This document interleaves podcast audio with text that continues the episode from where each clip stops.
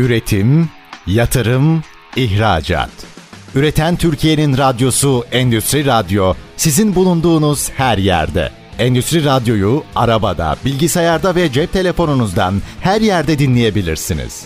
Endüstri Radyo.com Ertan Öz Yardımcı'nın hazırlayıp sunduğu Lebiderya programı başlıyor. Ertan Özlemciler ile bir derya programına hoş geldiniz. Bugünkü konuğumuz Realizas Türkiye Ülke Müdürü Mehmet Akgül. Mehmet programımıza hoş geldin. Hoş bulduk sevgili Ertan. Seni aramızda gördük. Buraya kadar geldin. Öncelikle teşekkür ediyorum. Dinleyicilerimize seni tanıtabilir miyiz? Tabii memnuniyetle. Ben İstanbul Teknik Üniversitesi Gemi İnşaat Deniz Bilimleri Fakültesi 98 mezunu. Sektörde 22 senesini vermiş bir bireyim. Evet bir de o zaman senden Lalizas firmasının bilgilerini alalım. Tabii memnuniyetle. Lalizas firması 1982 senesinde kurulmuş bir firma. Kurucusu Stavro Lalizas diye bir şahıs. Kendi ülkesinde milli yelkenci. Yelken yaparken ihtiyaç duymuş olduğu ürünlerden bir tanesi ana ürün can yeleği. İstedikleri size'da, istedikleri vücutlarına uygun bedende ürün bulmakta zorluk çekince kendisi tasarlıyor ve üretmeye karar veriyor. Annesinin tekstil atölyesi var. Evet. Annesine gidiyor. Annesine diktiriyor. ilk ürünleri alıyor. Yarışmalara devam ediyor. Yarışmalar sırasında bize de bunu yapar mısın? Klasik bir hikayeyle bir başarı hikayesi başlıyor. 82'den 86'ya geldiklerinde kendi abisi Avustralya'da yaşıyor. İlk bayiliği oraya veriyorlar. Evet. 86'dan sonra 91'de İngiltere yavaş yavaş büyüyerek geliyor. Bu arada can yeleğiyle başlanan güvenlik malzemesi, ürün yelpazesi yavaş yavaş seyir fenerleri ve geri kalan güvenlikle ilgili ilintili diğer ürünlere doğru yavaş yavaş genişliyor. 2000 senesinde Tam işlerin çok kendi çaplarında, kendi küçük bir işletme bu. İşlerin çok hızlandığı bir dönemde bir büyük bir yangın geçiriyorlar. Bütün üretim imalathanesi, bütün makinaları, teçhizatlarıyla beraber fabrikalarını kaybediyorlar. 2000 senesi firmanın tekrar yeniden bir kuruluş hikayesi gibi. 2000 senesinde yani hızla... Kül, küllerden doğuş aynen, hikayesi aynen, tam. Aynen, küllerinden tekrar doğuş hikayesi. 2000 senesinde tekrar bir organizasyona giriliyor.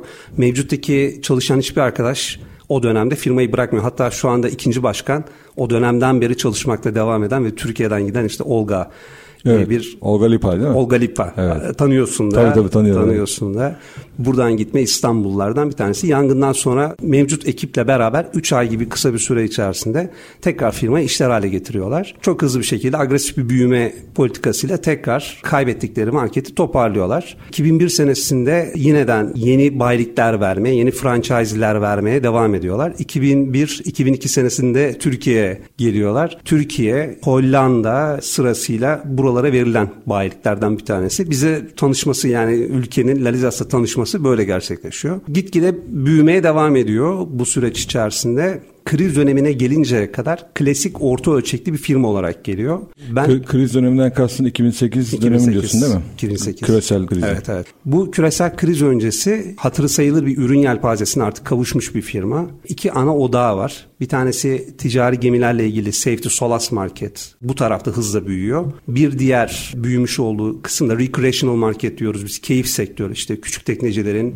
yelkencilerin, tekne imalatçılarının olmuş olduğu o diğer market. Bu tarafta da ürün yelpazesi gitgide genişlemeye devam ediyor. 2008 senesi krizi öncesi fabrikalardan bir tanesini Çin'e açma kararı alıyorlar. Bu firmanın yine maliyet, kalite kısmında kendi hedeflemiş olduğu bir pazar var. Burada çok stratejik bir kararla işte Çin'de açılan fabrika bu politikaya çok iyi hizmet ediyor ve şeyle karşılaşılıyor. Krize bu dönemdeyken giriliyor. Pek ee, çok pek çok e, firma gibi özellikle denizcilikte yaşadık biz onu hepimiz. Tabii. Tam böyle açılmış, büyütmüş, yatırımları yapmışken bir krizle yüzde kalmıştık. Herhalde Lazas'ta öyle bir Çin yatırımı ile ilgili bir sürprize karşılaşıyor o zaman. Çin yatırımı işte ilk başta biraz ürkütüyor tam burada yakalanmış olmak bu krize ama bunu hızla avantaja çeviriyor. Süper. Yunanistan'daki üretim de bu arada artmaya devam ediyor hızlı bir şekilde. Çin'in de Çin'deki fabrikanın da yardımıyla çok hızlı bir şekilde yine franchise'ler vermeye devam ediyor. Burada Avrupa'nın tam o sırada onlar da tabii bütün rakipleri Avrupalı bütün rakipleri de bu krizle beraber hiç beklenmedik şekilde büyük bir durağanlıkla karşılaşıyorlar. Bunu fırsata çeviriyor Lalizas.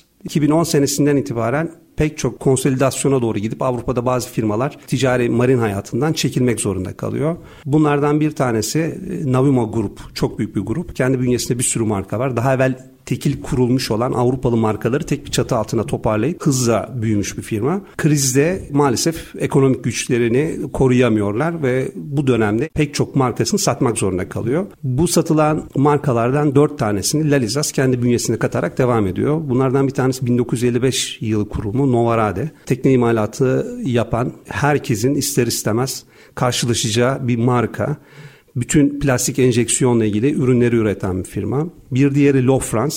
Bu teknelerin ön tarafında bulunan ırgat, vinçler dedim, zinciri atıp bırakmaya yarayan ürünler. Çok önemli bir marka. Çok önemli bir marka. Hatta dünyaya ırgatın nasıl olduğunu öğreten, bütün yenilikçi, bütün her şey kendi bünyesinde barındıran inanılmaz, efsanevi bir marka. Bir diğeri Ocean diye bir marka. Bu bildiğimiz klasik teknelerin sağa sola çarpmasına engel olan, usturmaçaları Usturmaça. üreten Hı-hı. bir marka. Bir diğeri Max Power o daha geç dönemlerde artık Avrupa'da hızla tekne imalatının yaygınlaştığı dönemlerde bireysel kullanımı tekne üzerinde daha rahatlatan baş pervane üreten Max Power diye bir marka. Bu dört markayı kendi bünyesine katıyor ve Lalizas'ta da bu inanılması güç bir sinerji oluşturuyor. Çünkü daha evvel hep ağırlıklı olarak ekonomik bir marka olarak kalmaya çalışıp 20 metreye kadar tekne imalatçılarına hizmet veren, tekne sahiplerine hizmet veren bir markadan birdenbire Lalizas grup olarak artık mega yat sektörüne de girebildiği ve ürün grubunu artık bundan sonra bu sinerji üzerine çeşitlendirmeye başladı. Yeni bir dönem açılıyor. Aslında için. krize rağmen sele karşı kürek çekmeye devam ediyor aslında. Hani vazgeçmiyorlar. Ve bu şekilde oradaki tabii finansal yapısında kuvvetli olmasından kaynaklı diğer markaları da çok daha uygun şartlarda aslında bünyeye katıp birden Şampiyonlar Ligi'ne çıkıyor. Çünkü 20 metre üzeri yatlara başladığınız zaman bütçeler ve kalemler çok daha farklı oluşuyor. Kesinlikle, kesinlikle. Aynı zamanda bu ticari tarafta bir her ne kadar kriz de gelmiş olsa, gemicilik sektörü beklenmedik şekilde navlun değerleri vesaire kaybetmiş de olsa dünya üzerinde yürüyen binlerce gemi var ne olursa olsun regülasyonlar ve düzenlemeler hiçbir şekilde bitmiyor. İşte arada bir yapılan gemilerde zorunlu kılınan bazı ürünlerin kullanımı Lalizas'a inanılmaz faydalı oluyor. İşte 2002 döneminde ağacı kaçı setiyle başlayıp işte 2004 senesinde klasik olarak kullanılan yeleklerdeki kuralların değiştirilmesi, daha sonra immersion suite dediğimiz soğuğa karşı denizci insanları koruyan ürünün zorunlu kılınması, adetlerinin değiştirilmesi. Daha sonraki yıllarda bunun gibi bu regülasyonlarla her ne kadar ticaret kötü de olsa bu, gemiler bu yürüdüğü sürece, denizin üzerinde hareket ettiği sürece bu ürünlere hep ihtiyaç duyuyorlar. Evet. Dolayısıyla bu marketi çok iyi yakalıyor ve hızla büyümesine en ufak bir aralık vermeden Avrupa marketini özellikle domine ediyor. Evet. Burası da Lalizas'ın bir kırılma noktası. Daha sonra bu hikaye burada bitmiyor. İşte bu bünyesine katmış olduğu firmaları genişletmeye devam ediyor. Yine stratejik bir karar Amerika pazarına giriyor. Navimo Plastimo USA diye bir firma var. Yani yine bu batan firmanın bünyesindeki markalardan bir tanesi. Bunu alıyor. iki sene sonra artık o Lalizas USA diye ismi değişiyor ve Amerika pazarı da açılıyor. Peki oraya Plastimo olarak mı gidiyor? Hayır. Lalizas olarak mı? Lalizas. Çünkü Plastimo galiba normalde Lalizas'ın rakibiydi ilk Hala rakip evet. Yani. Hala mevcudiyetini koruyan işte burada da korumacı devletlerin bir korumacı refleksinin ortaya çıktığı bir yapı var burada da. Evet. Mesela burada Fransa'nın dışına satılmasına izin vermiyor devlet. Markayı desteklemeye devam ediyor. Evet. Lalizas Amerika pazarına da giriyor. Daha sonraki dönemde işte dediğimiz gibi ticari sektör çok büyük bir sektör gemi kısmı. Burada şu anda bütün geri kalan firmalarında girmeye çalışmış olduğu yer servis pazarı. Lalizas burada stratejik bir karar alıyor. Adriyatik kısmında o bölgenin en büyük servis istasyonlarından bir tanesi Antispiros. Antispiros firmasını da bünyeye katıyor. Bu sayede hem ürünlerini satıp hem sattığı ürünlere servis verebilen bir yapıya bürünüyor. Ve bölgedeki tek tekel gibi bir yapısı var. Bu çok büyük bir ivme kazandırdığı için bu arayış devam ediyor. Evet. Bu arayış devam ederken Amerika'da bir şans geliyor. Alexander Rines denilen firma var. ARMS diye bilinir. Bu Körfez bölgesinde, Meksika Körfezi'ne evet. doğru bakan Houston'da işte oradaki ben bilmiyordum açıkçası. Bu satın almayı duyduktan sonra bu bölgede bu hayat nasıl ilerliyor diye bir baktığımızda çok enteresan. O bölgede yüzlerce petrol platformu var. Yüzlerce. Evet. Ben adetlerinin bu kadar olduğunu o döneme kadar inanın bilmiyordum. Meksika Körfez bölgesi inanılmaz evet, bir... Evet, evet. Petrol fiyatlarının kriz sonrasında çok düşük seviyede seyrettiği dönemlerde orada da bir farklı bir regülasyon gerçekleşiyor. İşte o yüksek maliyetlere katlanamayan firmalar yavaş yavaş kapanıyorlar. Bu ARMS'ın satın alınması tam bu döneme denk geliyor. ARMS bünyeye katıldıktan sonra yine şans firmanın şanslarından biri ticaret yavaş yavaş tekrar artışa geçiyor. Kendi bünyesindeki ürün grubu da tabii Lalizas bünyesinin içerisine giriyor. Avrupa'daki sertifikasyon, Amerika'daki sertifikasyon farklı ürünlerde. Doğru. İşte bu dönemde Lalizas buraya odaklanmaya başlıyor. Avrupa pazarına girebilmek için gerekli olan sertifikaların tamamlanması süreci gerçekleşiyor. Ve birdenbire petrol fiyatlarının yükselmesiyle beraber akıl almaz bir market tekrar doğmuş oluyor. Arms'ın da katılmasıyla ticari büyüme hiç kesintisiz devam ediyor Lalizas'ta. Şu evet. anda ulaşmış olduğu 130 tane ülkeye ihracat yapan yaklaşık 10 bin farklı ürünü bünyesinde barındıran bunun çok büyük bir kısmını kendi üreten bir firma. Üretim noktaları Çin'den başka sanki Hırvatistan falan diye hatırlıyorum. Birkaç yerde de var yani. Yunanistan... Hırvatistan değil ama şöyle başlıyor. Zaten Yunanistan ana üst evet. ilk üretimin yapıldığı ilk yer. Hala orada üretim hala devam ediyor. Daha sonra Çin devreye giriyor. Bir sonraki bu markaların satın alınmasıyla beraber hı hı. İtalya şu evet. anda Bulgaristan bunlar da üretim üsleri. Denizcilik sektöründeki en büyük hikaye aslında sen de çok iyi biliyorsun 360 tedarik zincirinin sağlanması. Yani artık Doğru. her lokasyonda Amerika'da da Asya'da da Avrupa'da da kilit noktalarda anlık malzeme tedariği yapabilecek bir yere gelmek lazım. Lalizas bu 360 derece hikayesini gerçekleştiriyor. Büyümeye hala devam. Durmak yok. Durmak yok. Bir başarı hikayesi gerçekten başarı hikayesi. Tek kişinin bir tane can yeleğine ihtiyacıyla başlayıp evet. bunu buraya getiriyor olması inanılmaz. Stavros aslında çok böyle mülayim şey bir e, yapısı var, görüntüsü var dışarıdan. yani böyle bir başarıyı yani herkes kolay kolay demez ama e, baktığın zaman yani bu böyle gayet içine kapanık, sakin bir tip gibi duruyor ama çok ciddi aslında büyük krizleri çok ciddi anlamda farklı farklı dönemlerde fırsata çevirerek işi çok ciddi noktaya getirmiş yani. Kesinlikle. Tebrik etmek Tek lazım. bir her ülkeden çıkmış bir markadan artık uluslararası çok ortaklı bir firmaya doğru dönüştü. Evet. Peki Türkiye'deki Laliz'in Türkiye ayağında neler yapıyorsunuz? Neler var, neler yok? Onları bir dinleyelim senden. Tabii.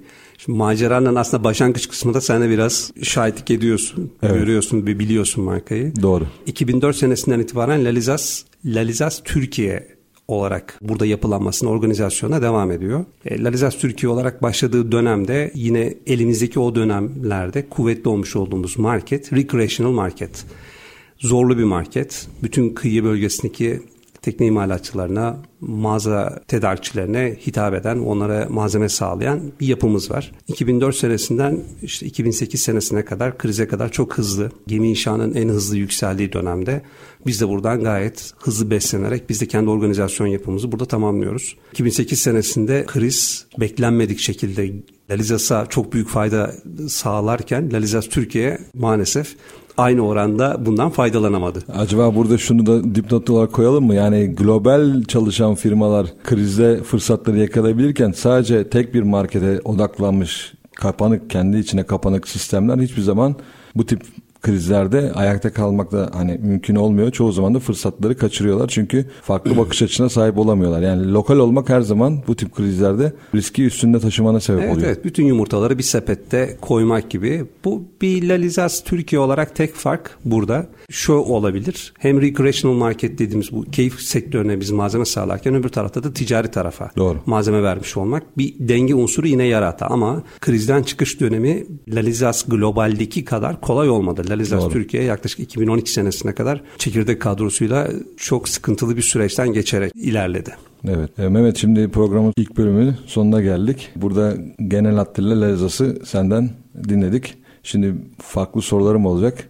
Reklamlardan sonra istersen devam edelim. Memnuniyetle. Reklamlardan sonra beraberiz. Üretim, yatırım, ihracat. Üreten Türkiye'nin radyosu Endüstri Radyo sizin bulunduğunuz her yerde. Endüstri Radyo'yu arabada, bilgisayarda ve cep telefonunuzdan her yerde dinleyebilirsiniz. Endüstri Radyo.com Erten Özlemcel ile Biderya programının ikinci bölümündesiniz.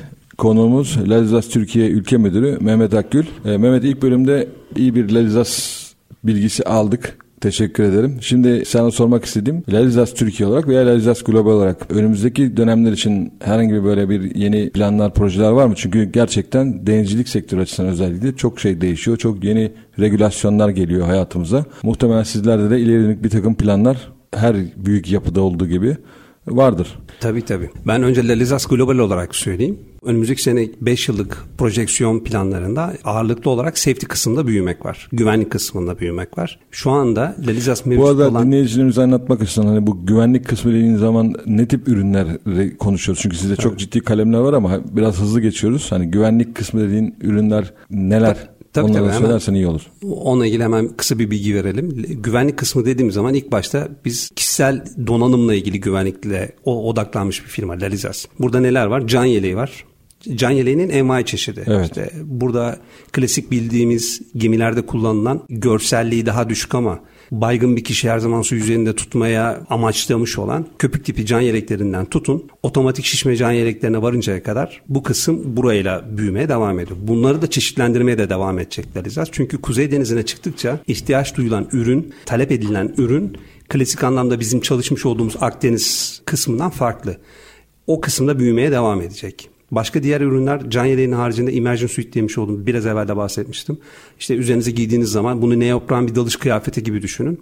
Size hipotermiyadan koruyacak olan, suya düştüğünüzde sizi soğukla aranıza izole edecek olan bir ürün. Bu da gemilerde kullanımı zorunlu. Belirli dönemlerde bu mevcuttaki ürünlerin üzerinde regülasyonlar geldiği için habire bu ürünler yani bir kere yapıldı ve hep aynı ürün diye gitmiyor. Belirli evet. dönemlerde bu ürünlerin geliştirilmesi, çeşitlendirilmesi gerekiyor. Diğer ürünler acil kız setleri, solunum cihazları dediğimiz. Bir tanesi sadece mevcut yangının veya kimyasal bir sıkıntının başlamış olduğu kapalı bir bölgeden kullanıcıyı giyip bu bölgeden uzaklaştırmaya yarayan ürünler. Bir diğeri solunum cihazı. Bu 45 dakika yangınla müdahale, kimyasal gazlı ortamda müdahaleye yarayan, kullanıcısını ortamdan, tehlikeli hava ortamından izole eden, koruyan başlığa sahip 45 dakika size sürekli oksijen sağlayan ürünler. Ana konularsa işte can salları dediğimiz geminin herhangi bir sebeple batması sonucu sizi güvertedeki yolcuları dahil olmak üzere gemi elemanlarını e, hayata tutacak olan yüzen sallar. Evet. E, bu konuda uzmanlığı var ve bunun haricinde geminin köprü üstünde kullanılan her türlü işaret, yönlendirme, hı hı. ışıklı yönlendirme, ışıksız yönlendirme aklınıza gelen her türlü bu ürünler, e, can simitleri, epip cihazları Bunların hepsi safety kalemlerinin parçaları. Anladım. Yani bu gruplarda e, şeye devam ediyorsunuz. Yeni büyümeye devam. Büyüme, evet. Büyümeye devam. Ve tabii bu grupları böyle ana kalemlere saydığımız zaman bununla ilgili bir sürü yardımcı ekipmanlar var. Yani bir can salı tek başına bir tane üründen oluşmuyor. Bunu Doğru. sabitleyen, tutan, serbest bırakan, Basınçlı filikaları, gaz veren, içine evet, şişiren evet. falan bir sürü evet. şey var. Doğru. Ve, ve bunların her biri sertifikalı ürünler. Sonuçta bu tasarımını da yapmak, sertifika süreçlerinin kendisini hasarsız ve minimum masraflarla tamamlamak bunlar kısa soluklu işler değil. Planlarda hep safety'de büyümeye devam şu anda. Globaldeki görüntümüz bu. Aynı zamanda eğer tabii şey olursa uygun yine bir dönem gelirse bizim görebildiğimiz kadarıyla Lalizas yine organik büyümeye diğer firmalarla birleşerek büyümeye de devam edecek. Lalizas Türkiye özelinde yine bütün Lalizas Global'in üretmiş olduğu ürünlerin burada temsiliyeti ve dağıtımıyla büyümeye biz de devam edeceğiz. Bizim de ana kalemlerimiz yine safety, ticari taraf için konuşuyorum. Tersanelerde, yeni inşalarda veya mevcutta yüzen gemilerde filolara safety malzemelerin tedariğindeki bazı sıkıntılarımız var. Bunları aşıp büyütmeye devam etmek. Ama her ikisi için de konuşacağım. Hem Lalizas Global hem Lalizas Türkiye. Siz sadece böyle bir ürün üreten firma gibi düşünmeyin. Bundan sonra aslına bakarsanız bence yola devam eden her türlü büyük, küçük, orta ölçekli bütün firmalar bir de dijitalleşme kısmı ile ilgili bazı hedefler koymak zorunda. Çünkü yeni gelmiş olduğumuz yer artık müşteriye hizmette yaratacağınız en büyük fark doğru zamanda minimum sürede doğru ürünü teslim etmek. Bu da hatırı sayılır bir arka tarafta bir yazılımsal hazırlanmayı gerektiriyor. Bundan sonraki dönemde biz Larizas Türkiye olarak konuşayım. Online satış yapan bütün satış noktalarını daha hızlı bir şekilde bizim ürünlerle ulaşabilir hale getirmek hedeflerden bir tanesi. Daha evvel yaptığımız ama hala gelişmeye devam eden bir B2B platformumuz var. İşte bunu kullanarak bizim günlük operasyonel süreçlerimizi kısaltmak, Evet. Burada da agresif hedeflerimiz var. Ve bu ikisini yaptıktan sonra da satışta bu dönemin getirmiş olduğu enteresan bir dönemden geçiyoruz. Covid'in getirmiş olduğu bu dönemdeki pazar payımızı arttırmaya devam etmek. Bu Covid'den bahsedince zaten aklımda bir soru vardı aslında tam yeri geldi.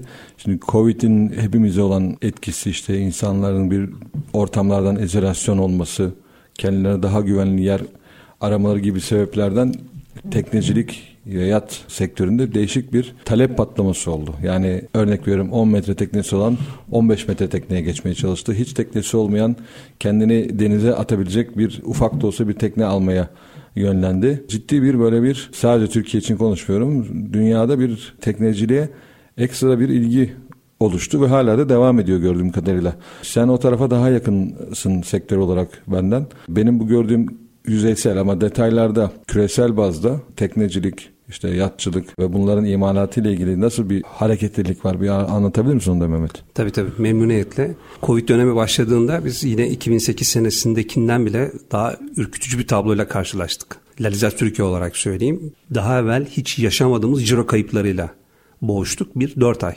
4 aydan sonra hiç beklenmedik şekilde Mayıs ayının ortalarıyla beraber akıl almaz bir hareketlilik başladı. Bu tabii bir tek Türkiye özelinde olan bir şey değil. Avrupa'da da dünyanın geri kalan her yerinde de aynı şeyi tetikledi. Daha toplu halde yapılamayan bu tatil yepyeni bir sektör doğurdu. Daha evvel de karavan sektörü vardı ama hem karavanı hem ulaşılabilir anlamda olduğu için de küçük tekne sektörünü inanılmaz ivmelendirdi. Ve biz bunun etkilerini çok hızlı gördük ve tahminlerimiz şu yönde. 2025 yılına kadar bu devam edecek. Bu eğri devam edecek. Ben Avrupa'da bizi çok şaşırtan büyüklükler var. Şimdi çok lokal kaldığımız zaman anlayamıyoruz. Ben çok büyüyorum ama herkes ne kadar büyüyor sorusu önemli bir soru işte. Evet, Ona yani göre kıyaslamak lazım. İzafi olarak bakmak lazım. Tabii. Kendi başına büyüklüğünün bir anlamı var mı yoksa sen geride kaldın aslında millet aya gitti sen yürüyor musun? Onu tabii bütün dünyayı istatistik olarak inceleyebileceksen anlamı var. Tabii tabii. Bu, burada da şöyle bir şans. iki tane şansımız var. Bir tanesi Larizas Global gibi firmayla çalışmak. Evet. Bu global size her türlü sizi çünkü kıyaslıyor. Siz yıllık toplantılara gittiğiniz zaman tek başınıza o masaya oturmuyorsunuz. Birdenbire karşınıza Endonezya'da, Malezya'da, Amerika'da, İspanya'da, İtalya'da, Norveç'te hepsi beraber oturup beraber kalkıyor. Orada ben giderken çok mutlu bir şekilde ivmelenmenin etkisiyle kuvvetli masaya oturdum. Kalkarken hafiflemiştim diyorsun. aslında bu etkinin bir tek bende değil herkeste olduğunu, herkeste de aynı hayal kırıklığı olduğunu gördüm. Yani her oturan İtalya'da oturup ayak ilk oturduğu zaman evrakları kaçacak. Yüzü herkesin çok gülüyor. Çünkü beklenmedik bir büyüme var ortada. Rakamlar açıklandı. 3 aşağı 5 yukarı neredeyse ülke fark etmeksizin herkeste aynı büyüme oranları var. İnanılmaz. Evet. İnanılmaz. Burada başka sıkıntılar var. Bir tek biz değil. Bu otomotiv sektörde benzeri evet, bir kontrolsüz büyüme de problem. Büyük problem. Bir kere tedarik zincirleri bozuluyor. Evet. Tedarik zincirlerinin bozulması tedarik noktalarını da tehlikeli aksiyonlar almaya zorluyor üretici anlamında ayrı, tedarik sağlayan kısım için ayrı. Bir tanesi ben bu malı bir kere daha bulamam zihniyetiyle belki de hiç satamayacağı kadar fazla kalemin alt, sıkıntısının altına girmek üzere bir risk alıyor omuzlarına. Üretici tarafta da başka bir problem var. Üretici taraf da kendi üretim kapasitesini arttırmalı mı arttırmamalı mı? Bu talep ne kadar kalacak, ne kadar sürecek bu soru işaretleriyle ilerliyor beraber. Ama bizim öngörümüz 2025 senesine kadar şu anda tabii ivmede hafif bir azalmayla beraber bu devam edecek. 2025 senesine kadar hem globalde hem dünyanın geri kalanı herkes karavan ve tekne sektöründe mal üretmeye, tedarik etmeye devam edecek. Peki benim duyduğum tabii ne kadar doğru bilmiyorum ama yat sektörü için konuşuyorum. Özellikle mega yatlarda var vesaire. Zaten onlar uzun dönemli kontratlar oluyor. Çünkü bir yatı yapmak 2 ila 5 sene arası boyutuna göre değişebilen bir konu. Şu anda yat tersaneleri veya tekneciler böyle 2025, 2026, 2027'ye kadar dolu olduklarını, kontratların olduğunu anlatıyor. Aslında bu Dolayısıyla yan sanayideki firmaları da yerli yabancı hepsini önünü açan bazı planları uzun vadeli yapabilme şansı veren bir durum. Türkiye'de genel olarak sektör iğmeden nasıl etkileniyor? Realizas olarak evet ama bütün bizim sektörün hepsi de sanıyorum ki benzer şekilde aynı ivmeyi onlar da hissediyor ve devam ediyorlar yatırımlarına doğru mu? Kesinlikle. Şimdi benim bir şapkam daha var o da İATET üyeliği.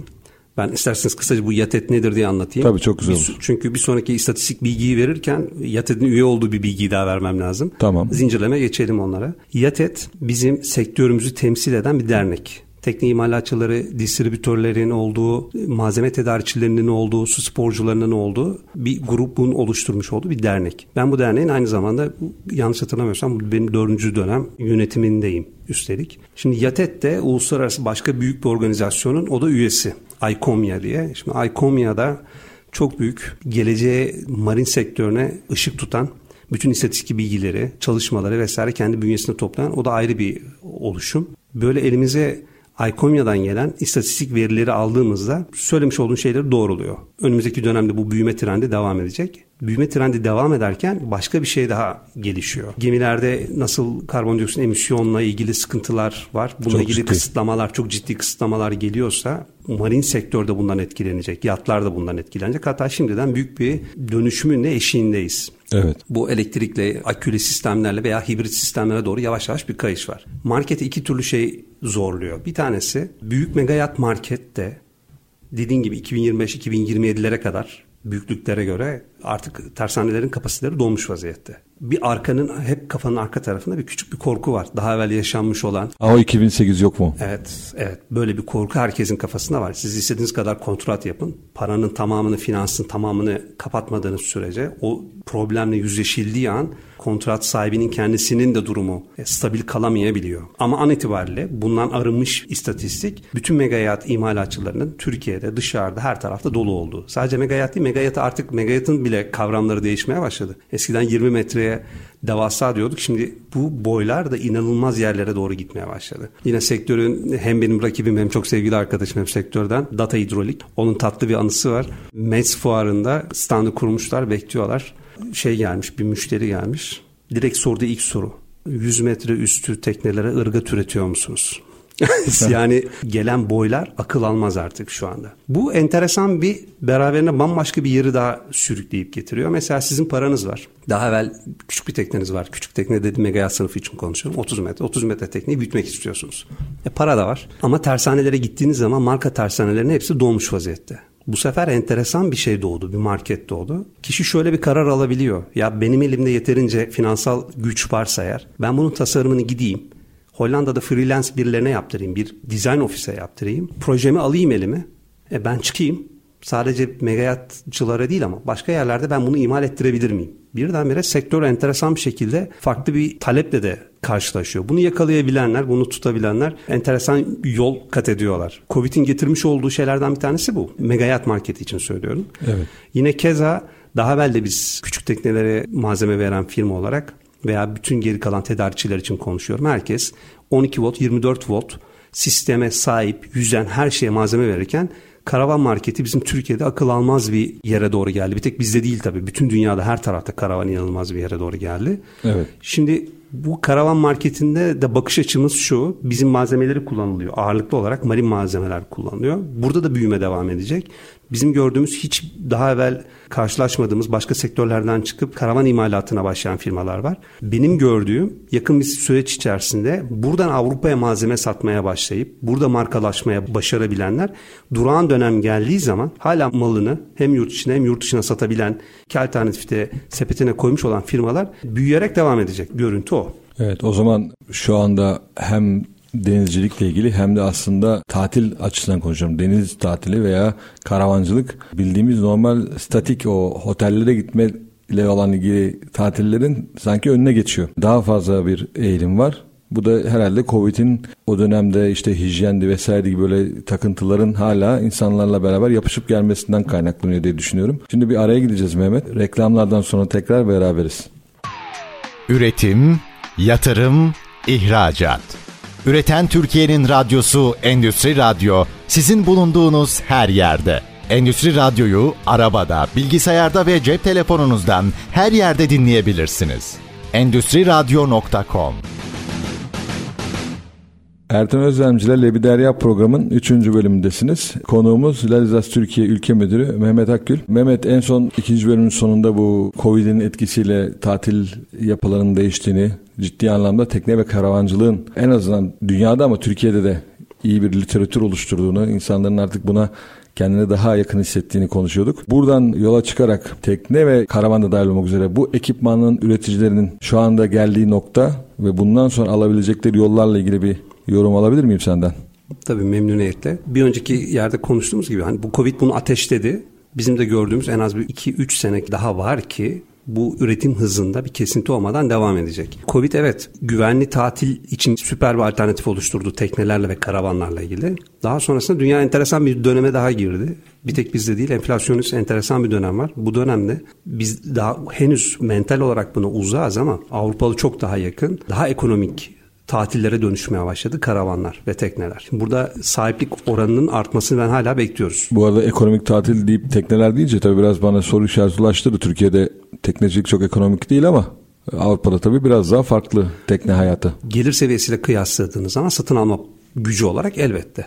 Burada hala tekne enteresan bir şekilde cazibesini korumaya başladı. Bence artacak bizim gördüğümüz. Hele karavan inanılmaz. Evet. Buradaki en büyük sıkıntı, iki tane sıkıntı var. Bir tanesi şu, ürüne ulaşabilmek. İmalatçı anlamında söylüyorum. Bu malzeme tedariği yapılan ürünlere ulaşabilmek. Bununla ilgili bir problem var. Kontrol edilebilir ve edilemez sebepleri var. Bir tanesi ham madde tedariği ile ilgili ana üretici firmaların karşılaşmış olduğu problemler. Yani buna direkt birebir de şey olarak çözüm bulamazsınız. Tek başına bir sektör olarak bunu çözüm bulamayabilirsiniz ama çeşitlenmeye gideceğini ben görüyorum. Bizde hala imalat gücü çok yüksek bir ülke. Bizim bir sürü kabiliyetlerimiz var. Bu kabiliyetler torna makinanız var. Bir şey üretirken bunu başka bir şey üretmeye doğru çevirebilirsiniz. Ben yakın zamanda böyle şeylerin daha da artacağını varsayıyorum. Bir ikincisi... Orada bir gireyim ben Tabii. de ufak. Ben de 4 sene kadar gemi sırasında yerleştirme komisyonuna çalışmıştım. Orada da gemi sanayine yerli katkıyı nasıl arttırırız diye çalışıyorduk o dönem. Belki 10 seneye geçti o çalışmalar. Orada da gördüğümüz aslında otomotive çalışan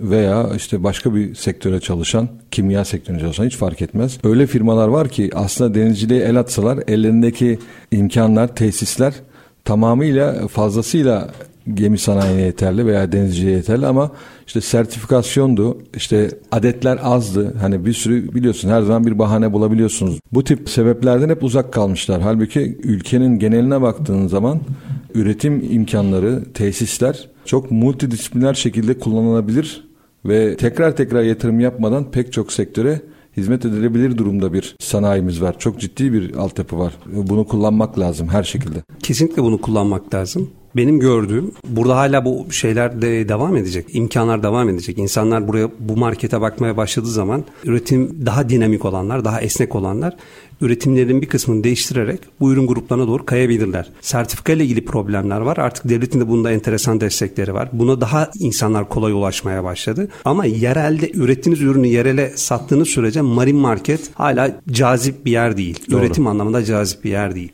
Doğru. Bunu dışarı çıkartmadığınız sürece burada üreteceğiniz adetlerle hiç kimse kendi üretim bandını değiştirip marine yönelmek istemeyecektir diye tahmin ediyorum. Ama büyüklük cezbedici. Yani evet. dışarıya doğru ben de malzeme üretebilirim ben de gidebilirim. Bu sertifikasyonları ben de alabilirim. Çünkü artık sayıca gitgide milli ürün sayısını arttırmayla ilgili bu projeler bunu kanıtladı. Yani evet. yeterince üzerine eğildiğimizde biz bu ürünleri üret daha da iyilerini üretebiliyoruz. Evet, daha bu, iyilerini de gördük yani yapabiliyoruz yani. Kesinlikle. Buna, bu bizim için biliyorsun bizim kuşaklarda biz hep biraz böyle konu dağılacak ama Amerikan filmleri seyrettirdiler. Hep biz Amerikalılar şey yapar sanıyorduk. Sonra kendimiz sahaya çıkıp yurt dışına gittiğimizde Onların da iki ayağı, iki gözü ve iki kolu olduğunu görünce anladık ki aslında biz de yapabiliriz. Şimdi yeni nesil biraz aslında şey yapsalar kendilerine özgüvenlerini bu yönde kullansalar çünkü çok özgüvenli bir nesil geliyor.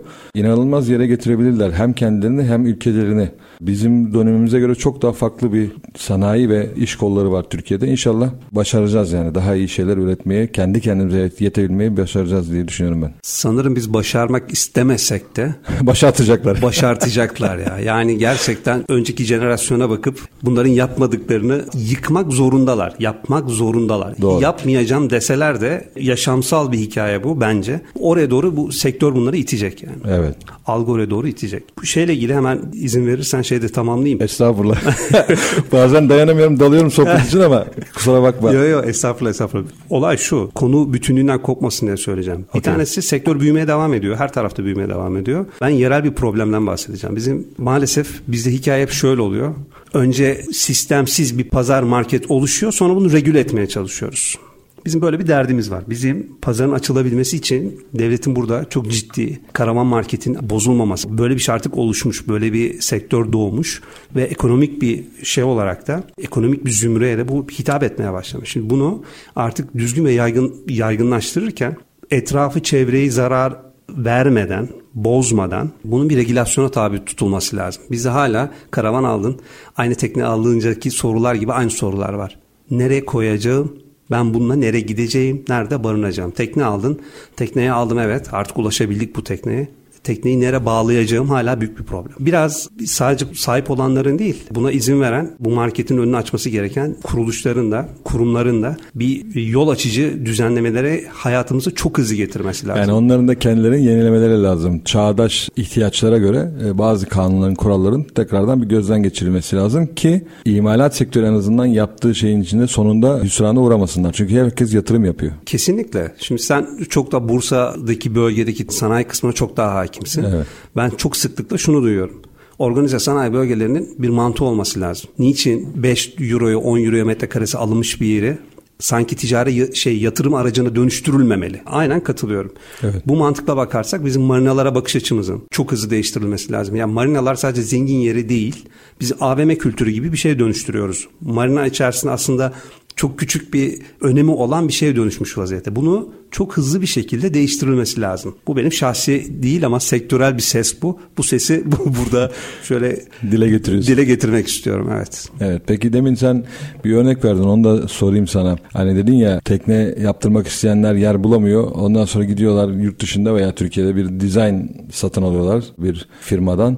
Ondan sonra ellerinde projeyle bana yat yapın diye e, kapı kapı geziyorlar başka alternatif atölyeleri veya yat tersaneleri daha ufaklarını vesaire. E şimdi bu tip muhakkak şimdi bizim dinleyenler arasında bazı kafalarında böyle planlar olan veya acaba bu sektöre girilir mi diyenler olabilir. Bir tekne üreticisi veya tekne üretmek isteyenler için nasıl bir yol var, nasıl bir yol izlemeleri lazım, nelere dikkat etmeleri lazım. En azından onları da Şimdi hep böyle sorunları anlatıyoruz da hiç evet. çözüm anlatan olmuyor genelde veya yol gösteren olmuyor. En azından böyle bir şey niyetlenmiş veya bu dinlediklerinden feyiz alan birisi gerçekten bu iş kolay mı? Kolaysa nasıl kolay?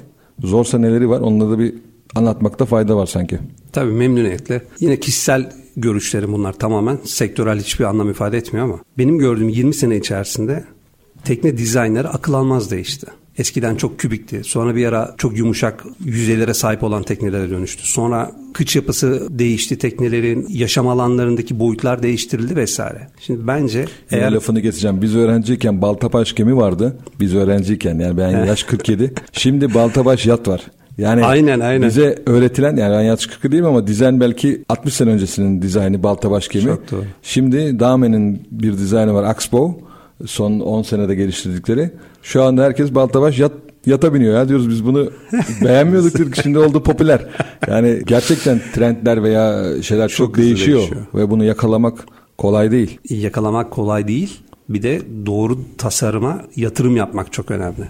Yani herkesin denemiş olduğu yerde ilerlemeye kalktığınız zaman büyük bir problemle karşı karşıyasınız. Sizden tecrübe olarak, üretim olarak 10 gömlek önde giden biriyle aynı markete girmeye kalktığınız zaman cebinizde iki tane şeyin olması lazım. Bir, bu pazarda var olacak, satışın gerçekleşeceği döneme kadar finansal bir güç birincisi. Bir ikincisi de her şeye rağmen üretim kapasitesinden geri durmayacağınız, adım atmayacağınız bir şeyi elinizde tutmanız lazım. Bunlar çok zor şeyler. O yüzden benim çok şiddetli tavsiyem şu. Bu 20 senedeki bu tasarımsal değişimleri gördüğüm için bence pazara çıkıp neyin eksik olduğunu, kullanım alanıyla ilgili mi yere oynayacaksınız? Hayır, daha profesyonel balıkçılıkla ilgili kısma mı oynayacaksınız? Ya tekneyi niçin kullanacaksınız? Hedef bölgenizi seçip oradan girmeye bence çok değerli. Yoksa aksi takdirde ben yine inanıyorum yakın dönemde krizler dünyanın gerçeği. Yani hep her şey günlük hep bu rutinde gitmiyor. Değişiyor. Biz çok acı iki tane örneğini gördük işte. Toplam hayatımda da ben dördüncü büyük değişimi gördüm.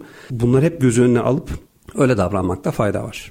Peki çok da vaktimiz yok. Sadece bir konu daha sana danışmak isterim. Türkiye'de de çok popülerleşen işte demin konuştuğumuz gibi tekne turizmi, yat turizmi var. Bu konuda teknecilik, tekne turizmi ülkede son işte Covid ve sonrasındaki işte yazları görüyoruz. Herkes bir takım mavi turlarla çok ciddi paralar harcamaya başladı. Bir otele gitmek yerine. Tekne turizminin katkıları veya çevreye olan sıkıntılarıyla beraber nasıl bir regülasyona gitmeli, nasıl bir şeyler yapmamız lazım? Orada da sanki biraz e, bir takım ellerin deyip sistemi bir düzeltmesinde fayda var. Sanki dağılarak giden bir konu o da. Evet evet. Şimdi burada senin de belirttiğin gibi artık bu tekneye olan talep artmasıyla beraber en klasik karşılaşılan problem çevre kirliliği. Birincisi bu. İkincisi biz bunu ekonomik hale daha nasıl getirebiliriz ilgili kafada bir başka soru işareti daha var. Çünkü sürdürülebilir olması lazım. Bizim görmüş olduğumuz yatıt olarak da artık gündemimize gireceğini varsayıyorum. Çünkü ICOMYA'nın bütün istatistik raporlarında hızlı bir dönüşüm, elektrikliye dönüşümle ilgili bir, bir şey var. Bu güldür güldür geliyor. Yani bu geldiği zaman böyle fısıldayarak falan gelmeyecek. Birdenbire hayatımıza girecek. Yine bizim devlet kurumlarının bununla ilgili hızlıca bir regülasyona ihtiyacı var. Mevcuttaki tekne, günübirlik tur tekneleri diye el alalım mesela en basitinden. Evet. Bu insanlara çok ulaşılabilir bir krediyle mevcuttaki bu kirli emisyonları ortadan kaldırıp hem maliyette iş, tekne işletmesini ucuzlatacağı bir dönüşüme olanak vermek lazım. Bu birincisi. İkincisi koyların kullanımıyla ilgili. Buraya hızlıca bir el atılması lazım. Burada bence sadece ticari taraftakilerin değil, normal tekne sahiplerinin de kullanım haklarının önceliklendiği veya ulaşılabilir hale getirildiği bir düzene ihtiyaç var. Şimdi Göce'ye gittiğiniz zaman hele hele bölgeyi bilmeyen biriyseniz oraya girdiğinizde birdenbire korkunç bir şeyle karşı karşıyasınız. Yani Bodrum'a geldiniz Ağustos ayında ön rezervasyon yapmadınız ve otel arıyorsunuz gibi bir şey şu anda. Çok net. Çok net. Durum bu. Dolayısıyla sadece Göcek belirli bir iki tane yer değil denize kişilerin kolay ulaşacağı bir düzenleme ihtiyaç var. Bu nedir? Sizin tekneniz var 8 metre, 7 metre, o 5 metre her neyse. Bunu rahatlıkla suya indireceğiniz Avrupa bunu çok çözeli çok olmuş. Amerika bunu çözeli çok çok uzun zaman olmuş. Her tarafta rampalar, suya inmeyi kolaylaştıran hikayeler var. Bunu yaptığınızda kalabalıklığı dağıtmaya başlıyorsunuz. Tek bir yere insanların gitmesinin de önüne geçmiş olacaksınız. Böyle bir düzenleme çok acilen ihtiyaç var. O zaman popülasyonu dağıtabileceksin. Kesinlikle bizim kıyılarımız inanılmaz herkes ama herkes aynı yere hücum herkes aynı yere gitmek zorunda. Tesisleşme ile ilgili sıkıntılardan kaynaklı belki de. Kesinlikle. Anladım. Marina'ya bakış açımızın işte o yüzden değişmesi lazım diyorum. Yani bir AVM'nin içerisinde olmak zorunda değil marina. Marina marinadır. Daha marina, doğrusu AVM'nin içinde değil, AVM'nin kenarında olmak zorunda değil. Daha doğrusu AVM'yi oraya kurmak zorunda değiliz. Ama, ama son 10 senelik trend şu anda AVM'yi kurup içine marina oturtmuşuz gibi bir durumla karşı karşıyayız. Doğru. Maalesef. Çünkü yine orada ticari ticari konular öne çıktığı için yani tekneciden alamazsam en azından arkada yedekleyim sistemi diye yapılan bir düzenek. Buranın bir kültürü. Buna fazla müdahale şansımız yok ama tabii bunları farklılaştırmak, çeşitlendirmek çok daha iyi olabilir. Mehmet sonuçta neredeyse çeyrek asırdır bu sektördesin. Başına gelmiş enteresan hikayeler de vardır. Programın sonuna doğru geldik. Bir senden varsa şöyle bir dinleyicilerimize paylaşabileceğim bir hikaye onu alabilir miyiz senden? Tabii çok var ama radyo ortamında paylaşılabilir bir... evet, denizcilerin başına hep bir sürü enteresan hikayeler geldiği için denizle uğraşan tabii. kişilerin. Evet Şimdi, varsa alalım senden bir güzel hikaye. Tabii Laliza Türkiye Ülke Müdürü olarak başladık. Markayı gidip bir yerlere tanıtmak lazım. Bahsettiğim yıl 2004 senesi. 2004 senesinde buradan çıkıp Marmaris'e gittim ilk aslında hali hazırda bizim kendi bayilerimiz bir kontağımız var ama bir birebir de bir tanışmamız olmamış. O yüzden çok kısıtlı bir ürün grubuyla hareket ediyorlar. Ben de diyorum ki gideyim, herkesi bir ziyaret edeyim. Nasıl arttırırız bununla ilgili konuşalım. Şimdi sektörü bilmediğiniz zaman Ağustos ayının ortaları gibi İstanbul'dan Marmaris'e inmişsiniz. Şöyle bir adam hayal edin. İşte altında pantolon var, kumaş bir pantolon. Allah'tan üstte yine biraz öngörülü davranmışım. Kısa gömlek, kısa kollu bir gömlekle sektörde gezmeye çalışıyorum. Şimdi hiç bilmediğiniz bir yere girdiğinizde bayilere ulaşmaya çalışıyorum. Cadde vardır. Sarıana Mahallesi. Marmaris'te hemen marinanın arkasında marinacılığın, malzemelerin tedarik edildiği bir lokasyon. Lokasyona geldim. Ortalık bomboş hava yanıyor saat 2-2.30 civarında şeylerin önünde insanlar oturmuş şortlu şortlu adamlar işte üzerlerine bir tişört bazılarında tişört bile yok. Herkes soğuk içeceklerini almış tavla oynuyorlar vesaire yapıyorlar. Ben de tanımadığım için hep tabelalardan giderek diyorum hangisi acaba biz kimle çalışıyoruz, bunda çalışıyoruz, şunda çalışıyoruz. Bir tanesine girdim kafamı soktum içeri içerisi boş. Dışarı çıktım artık biri işkillendi ya genç ne yapıyorsun falan dedim. ben Mehmet Lalizaz Türkiye kendimizi tanıtma ürünleri tanıtmaya çalıştık. Adamcağız en son artık bir tanesi şey dedi. Yani gel otur bizim hale bak kendi haline bak. Üstündeki stresi bir aldılar. Bir rahatlattılar. Bir soğuk içecek. Şort verdiler kenarda bir terlik falan.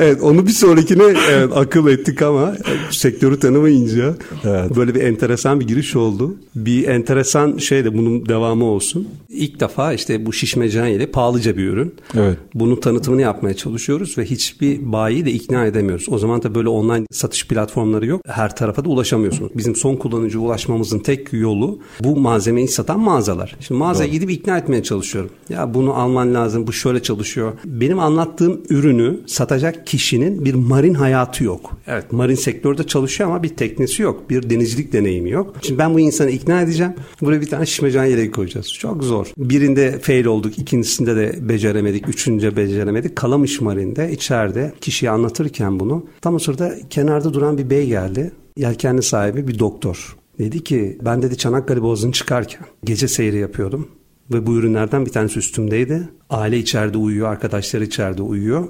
Tam o sırada ters bir rüzgar geliyor. Tekneden aşağı düşüyor. Of. Kafasını düşerken havuza vuruyor. Şey söylüyor. Tek hatırladı diye bir ses geldi. Bu can, otomatik içme can yeleğinin sisme sesi. Arkada tender botunu 15 metre arkada halatla çekiyor. Evet. Tek yapabildiği şey sadece de elimi sadece boşluğa attım. Tender botu tutuyor. Tesadüf. Yaklaşık iki saat seyir yapıyorlar. Çanakkale'den öyle çıkıyorlar dışarı. iki saat sonra günü ağrırken arkadaşı dışarı çıkıyor. Şey boş, havuzluk boş, dümen boş. Otopilotta gidiyor tekne. Panik oluyorlar. Adamcağızı arka tarafta tenderbota yapışmış buluyorlar. Bu hikaye... Sana e, milyonlara getirdi. İnanılmaz.